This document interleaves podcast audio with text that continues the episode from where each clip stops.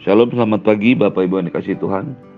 Mari kembali kita merenungkan firman Tuhan pagi hari ini diambil dari Kolose pasal 2 ayat 16 sampai dengan 23. Kolose pasal 2 ayat 16 sampai dengan 23. Carilah perkara yang di atas. Karena itu janganlah kamu biarkan orang menghukum kamu mengenai makanan dan minuman atau mengenai hari raya, bulan baru atau hari sabat Semuanya ini hanyalah bayangan dari apa yang harus datang, sedang wujudnya ialah Kristus. Janganlah kamu biarkan kemenanganmu digagalkan oleh orang-orang yang pura-pura merendahkan diri dan beribadah pada malaikat, serta berkanjang pada penglihatan-penglihatan, dan tanpa alasan membesar-besarkan diri oleh pikirannya yang duniawi. Sedang ia tidak berpegang teguh kepada kepala, dari mana seluruh tubuh yang ditunjang dan diikat menjadi satu oleh urat-urat dan sendi-sendi menerima pertumbuhan ilahinya. Apabila kamu telah mati bersama-sama dengan Kristus dan bebas dari roh-roh dunia, mengapakah kamu menaklukkan dirimu pada rupa-rupa peraturan seolah-olah kamu masih hidup di dunia? Jangan jamah ini, jangan kecap itu, jangan sentuh ini. Semuanya itu hanya mengenai barang yang binasa oleh pemakaian dan hanya menuruti perintah-perintah dan ajaran-ajaran manusia.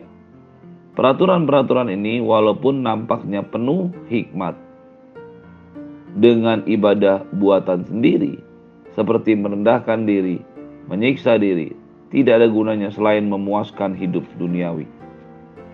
Bapak Ibu yang dikasih Tuhan, Rasul Paulus sebelumnya sudah mengingatkan Firman Tuhan sudah mengajarkan kepada kita sebelumnya bahwa kepenuhan hidup kita hanya bisa didapatkan di dalam Kristus. Ayat 6 pasal yang kedua dengan tegas berkata, "Kamu telah menerima Kristus Yesus Tuhan kita. Karena itu hendaklah hidupmu tetap di dalam Dia, dibangun di atas Dia, berakar di dalam Dia, bertambah teguh dalam iman yang diajarkan dan hati melimpah dengan ucapan syukur." Ini berarti yang menjadi fokus utama dalam hidup kita adalah Kristus. Karena di dalam diri Kristuslah berdiam seluruh kepenuhan Allah. Keutamaan, keistimewaan Kristus itulah yang seharusnya menjadi dasar setiap tindakan iman kita.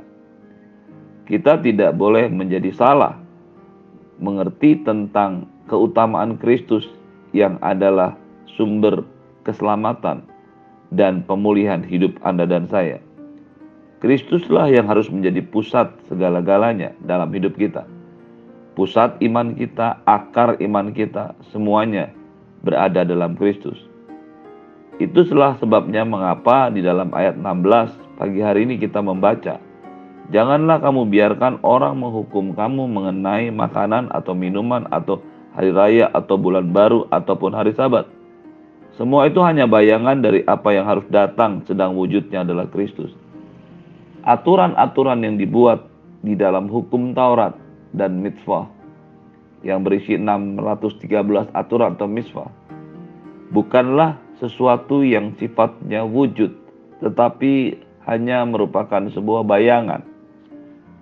Kata bayangan berasal dari bahasa Yunani shoma, maaf, skia Sedangkan wujud adalah syoma. Wujud ini bisa diterjemahkan juga dalam syoma atau tubuh, hakikat asli yang utama. Aturan-aturan yang dibuat di dalam hukum Taurat bukanlah tidak berguna, tetapi semuanya hanya merupakan bayangan. Karena keselamatan yang kita dapatkan bukan karena melakukan hukum Taurat, bukan karena taat dan mengikuti aturan-aturan hukum Taurat, maka Anda dan saya diselamatkan. Kita diselamatkan hanya oleh karena iman kepada Tuhan Yesus. Apa yang dituliskan oleh hukum Taurat, itulah yang dikerjakan oleh Tuhan Yesus. Itulah yang dilakukan oleh Tuhan Yesus. Sehingga pagi hari ini, kalau kita memandang kepada hidup kita, maka hidup kita haruslah tetap berdasarkan, berakar berfondasikan Kristus. Kita tidak bisa berpikir, bertindak, dan berbuat dengan kemanusiaan kita untuk taat kepada Allah. Hanya ketika Anda dan saya bertobat, percaya dan menerima Yesus sebagai Tuhan dan Juru Selamat pribadi. Lalu Tuhan mengubah hidup kita, menghidupkan roh kita, dan mengembalikan roh Allah tinggal dalam diri kita. Maka kita akan mampu melakukan hukum Taurat. Bukan sebagai syarat keselamatan, tetapi sebagai sebuah buah daripada keselamatan. Tidak boleh hal ini dibalik-balik. Kita tidak boleh berpikir bahwa keselamatan yang kita peroleh itu berdasarkan perbuatan. Sebaliknya kita tidak boleh berpikir karena kita sudah diselamatkan oleh darah Yesus, maka kita bisa hidup seenaknya. Dua hal ini yang selalu menjadi masalah di dalam kehidupan dan sejarah kekristenan ajaran-ajaran gnostik yang ada pada abad pertama sampai dengan hari ini masih ada dan sering kali membawa orang percaya ke dalam pengertian yang salah tentang keselamatan dan kebenaran di dalam Kristus. Sekali lagi, bayangannya itu adalah peraturan, tetapi wujudnya tubuh Shoma itu adalah Kristus. Anda dan saya harus mendasarkan segala sesuatu kehidupan iman kita. Dimulai oleh Tuhan Yesus, berjalan bersama-sama dengan Tuhan Yesus, dan mengakhirinya bersama-sama dengan Tuhan Yesus. Itu sebabnya ayat, ayat 18 berkata, Janganlah kamu biarkan kemenanganmu digagalkan oleh orang-orang yang pura-pura merendahkan diri dan beribadah kepada malaikat, serta berkanjang pada penglihatan-penglihatan dan tanpa alasan membesar-besarkan diri oleh pikirannya yang duniawi. Keselamatan Anda dan saya murni 100% hanya merupakan sebuah tindakan yang bisa dilakukan oleh Tuhan Yesus. Penebusan dosa, pemulihan, dan kembalinya roh Allah di dalam diri manusia merupakan satu hal yang hanya bisa dikerjakan oleh Tuhan Yesus. Kita tidak bisa menambah-nambahinya. Itu sebabnya Alkitab berkata pagi ini, jangan biarkan kemenanganmu digagalkan oleh orang-orang yang pura-pura merendahkan diri dan beribadah pada malaikat. Ajaran-ajaran gnostik yang ada pada waktu itu menempatkan malaikat dalam tingkatan-tingkatan dan golongan-golongan. Dan mereka menjadi salah arah ketika mereka fokus untuk beribadah yang sifatnya hanya berpura-pura. Berpura-pura merendahkan diri, beribadah kepada malaikat, berkanjang pada penglihatan. Kata berkanjang pada penglihatan menunjukkan sebuah kata yang memang sudah terjadi pada waktu itu. Di mana ada orang-orang yang berpikir, ada orang-orang yang bertindak, ada orang-orang yang beribadah kepada malaikat pada waktu itu. Kenapa mereka beribadah kepada malaikat? Karena mereka masih memegang ajaran-ajaran filsafat-filsafat Yunani di sini mereka seolah-olah berbicara atau menunjukkan tingkatan yang jelas tentang malaikat di mana setiap orang harus akan mengikuti malaikat-malaikat itu. Beribadah kepada malaikat itu menunjukkan fokus yang sudah berubah. Mungkin mereka berpikir pada waktu itu pandangan Yunani Romawi kuno tentang ajaran-ajaran gnostik. Mereka menyembah, mereka beribadah kepada malaikat Ingatlah, malaikat adalah utusan Tuhan untuk melayani orang percaya. Dengan jelas, malaikat adalah roh yang melayani bagi manusia yang telah ditebus. Ibrani 2 ayat 14 berkata, karena anak-anak itu adalah anak-anak dari darah dan daging, maka ia juga menjadi sama dengan mereka dan mendapat bagian dalam keadaan mereka, supaya ia memusnahkan dia, yaitu iblis yang berkuasa atas maut. Jadi apa yang dikatakan oleh firman Tuhan bahwa malaikat itu adalah roh yang melayani bagi manusia yang ditempatkan Tuhan untuk melayani manusia bukanlah pribadi atau sesuatu yang Anda dan saya harus fokus beribadah kepadanya. Kita tidak boleh beribadah kepada malaikat. Kita beribadah kepada Tuhan Yesus. Yang kedua, di sini dikatakan mereka pura-pura merendahkan diri berkanjang pada penglihatan, dan tanpa alasan membesar-besarkan diri oleh pikiran yang duniawi. Perhatikanlah, ketika orang beribadah dengan cara yang salah, dengan dasar yang salah, maka semuanya hanya merupakan kepura-puraan. Merendahkan diri pura-pura. Berkanjang pada penglihatan-penglihatan yang palsu. Berkanjang pada penglihatan-penglihatan yang tidak ada. Berkanjang pada penglihatan-penglihatan yang sebenarnya tidak ada. Kata berkanjang ini biasanya digunakan pada waktu itu bagi para calon anggota perkumpulan atau persekutuan orang-orang yang memiliki agama-agama atau ajaran-ajaran gnostik pada waktu itu. Kata berkanjang ini menunjukkan kata seperti wahyu rahasia atau sesuatu yang sifatnya e, tidak nyata tetapi ada. Itulah yang dikatakan berkanjang pada penglihatan-penglihatan. Sesuatu yang memang pada waktu itu sebenarnya tidak ada. Di sini juga menunjukkan adanya guru-guru palsu yang menyiratkan bahwa mereka seolah-olah memiliki penglihatan, tetapi sebenarnya tidak ada.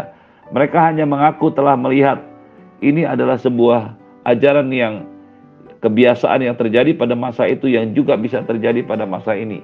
Anda dan saya hidup kita dituntun oleh Kristus yang adalah kepala. Hidup kita tidak dituntun, tidak berfokus pada penglihatan-penglihatan yang palsu, yang dicari-cari. Kita percaya bahwa Tuhan bisa membawa Anda dan saya melalui penglihatan, tetapi kita tidak perlu mencari-cari itu. Yang Anda dan saya perlu cari ialah Kristus. Dialah pusat segala-galanya. Sedang ia sendiri tidak berpegang pada teguh kepada kepala. Dari mana seluruh tubuh yang telah ditunjang dan diikat menjadi satu oleh urat-urat dan sendi-sendi menerima pertumbuhan ilahinya. Pada akhirnya, ibadah Anda dan saya haruslah ibadah yang berpusat pada Kristus. Dialah sumber kehidupan, dialah kepala. Dia bukan hanya menjadi kepala dalam pemerintahan, tetapi dia menjadi sumber kehidupan. Pertumbuhan ilahi berasal dari kepala. Ketika kepala kita bermasalah, maka bermasalahlah seluruh hidup kita. Tetapi kita kepala kita benar, maka ber, maka benarlah seluruh badan kita. Inilah yang dimaksudkan oleh Tuhan Yesus ketika dia menyatakan dirinya, aku adalah kepala dari semua tubuh. Yesus adalah kepala. Yesus adalah sumber kehidupan. Setiap orang percaya tidak bisa tidak. Harus terhubung, harus terkoneksi dengan Yesus yang adalah kepala. Dari mana seluruh tubuh ditunjang, diikat menjadi satu oleh urat-urat sendi-sendi menerima pertumbuhan ilahinya. Anda dan saya tidak bisa bertumbuh dalam Tuhan kalau kita tidak mengikuti, kalau kita tidak terhubung, kalau kita tidak dekat dengan Sang Kepala yaitu Kristus.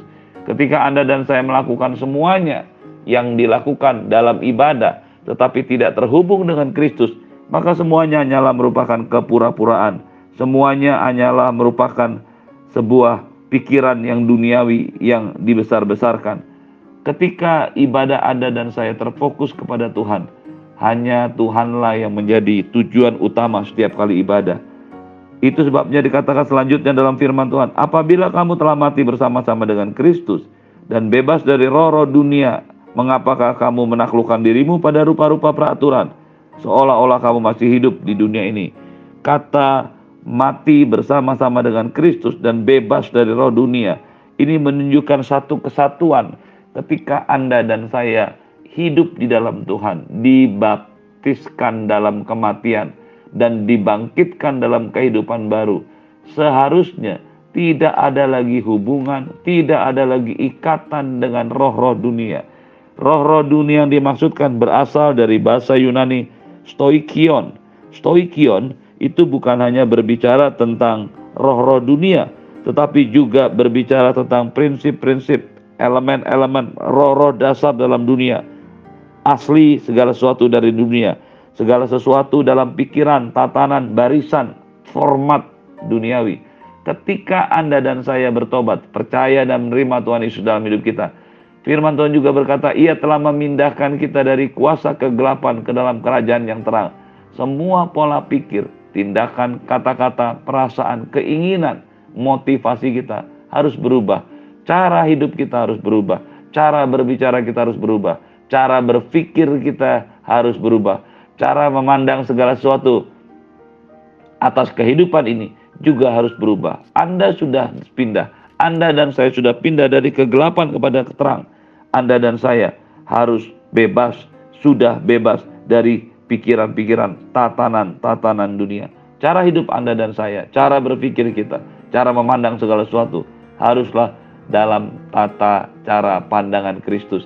Ketika Anda dan saya membiarkan pikiran Kristus itu menguasai hidup kita, ketika Anda dan saya menaruh pikiran dan perkataan yang terdapat juga dalam Kristus Yesus, dalam pikiran dan perkataan kita, dalam tindakan kita, maka kita sedang berjalan menuju kemenangan. Tidak ada yang bisa membatalkan itu.